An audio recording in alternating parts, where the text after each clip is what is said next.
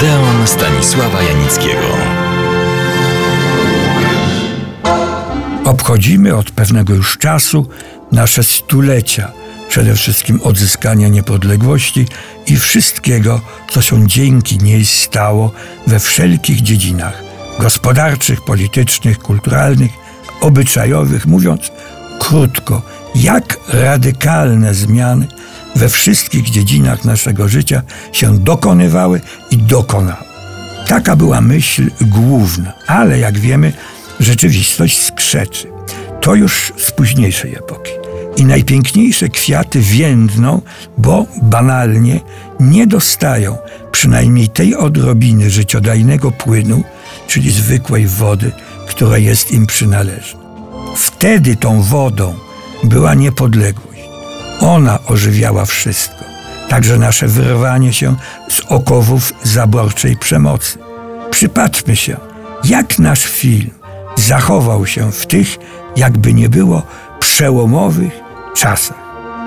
Jest rok 1919, pierwszy rok pokoju. Pierwsza światowa wojna, a raczej rzeź, się wreszcie skończyła. My odzyskaliśmy niepodległość. Jak przyjął tę nową sytuację nasz film, czyli mówiąc prościej, jakie polskie filmy na polskich ekranach w niepodległej już Polsce były wyświetlane. Premier w tym 1919 roku było dziewięć. Dwa z nich chciałbym trochę szczegółowiej przedstawić. 1 stycznia 1919 roku wszedł na polskie ekrany film Carewicz, zrealizowany na podstawie sztuki Gabrieli Zapolskiej.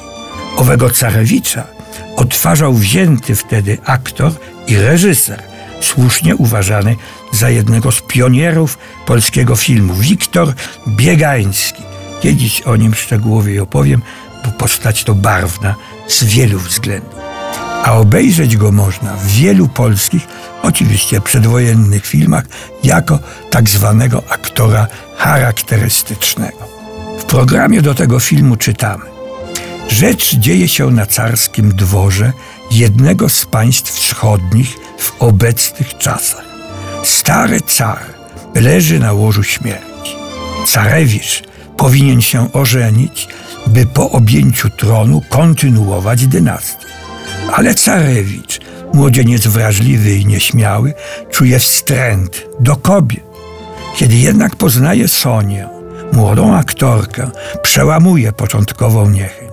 Sonia bowiem jest w gruncie rzeczy uczciwą dziewczyną, którą niegodziwcy starają się wykorzystać i nią frymarczyć.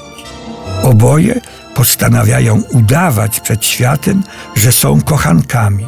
W rzeczywistości zaś łączy ich głęboka, czysta przyjaźń. Ta przyjaźń zamienia się stopniowo w zwykłą ludzką miłość. Dziewczyna ma ogromny wpływ na młodego następcę tronu. Pod jej wpływem zmienia się on nie do poznania. Staje się rzecznikiem biednych i uciskanych. Tym oczywiście naraża się otoczeniu starego cara, który zresztą umiera. Intrygi dworskich dygnitarzy doprowadzają do odejścia Soni. Zmuszają ją do odejścia. Musiały jednak nastąpić poważne zmiany, skoro reklamowano ten film słowami. Intrygi dworskie, zamach rewolucjonistów w podziemiach pałacowych, handlarze żywym towarem, bal dworski z powodu ocalenia cara Aleksandra III, tłumy i balet wprowadzają widza w zachwyt. Ten film nawiązywał do czasu zaborów, konkretnie do zaboru rosyjskiego. Inny do wojny, I wojny światowej, która niedawno się zakończyła. Nosi intrygujący tytuł Panna po wojnie. I już na wstępie zaskoczenie.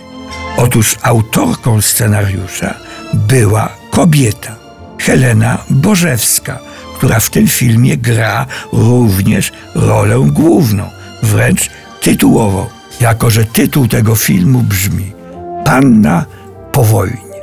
Przedwojenny program obwieszczał, cytuję, By ratować swą córkę przed staropanieństwem, zamożny obywatel ziemski wyjeżdża wraz z córką do modnego zdrojowiska, by tam rozpocząć polowanie na męża. Niestety, znalazło się tutaj tylko dwóch przedstawicieli płci męskiej. Co więcej, jeden okazał się łysy, niemrawy, drugi zaś kulawy. Na szczęście do zdrojowiska zjechał członek misji afrykańskiej wraz ze swym służącym, murzynem. Panna Helena już jest pewna swego, ale ma niestety tłum konkurentek, żądnych nie tyle ślubu, ile jego następstw. Panna Helena zostałaby zapewnie na koszu, gdyby nie przeczytała podręcznika dla panien, w którym wyczytała, że wahającym się kandydatom należy dać przedsmak małżeństwa, dać możliwość odbycia połowy drogi do raju. Jedynym poważnym filmem przedstawiającym czas aktualny był film Tamara. Z notatek prasowych wynika jednak tylko, że był to dramat na tle walk z Ukraińcami o Lwów 1918-1919. W roku następnym, 1920, sytuacja radykalnie się zmieniła, ale to już temat na inne opowiadanie.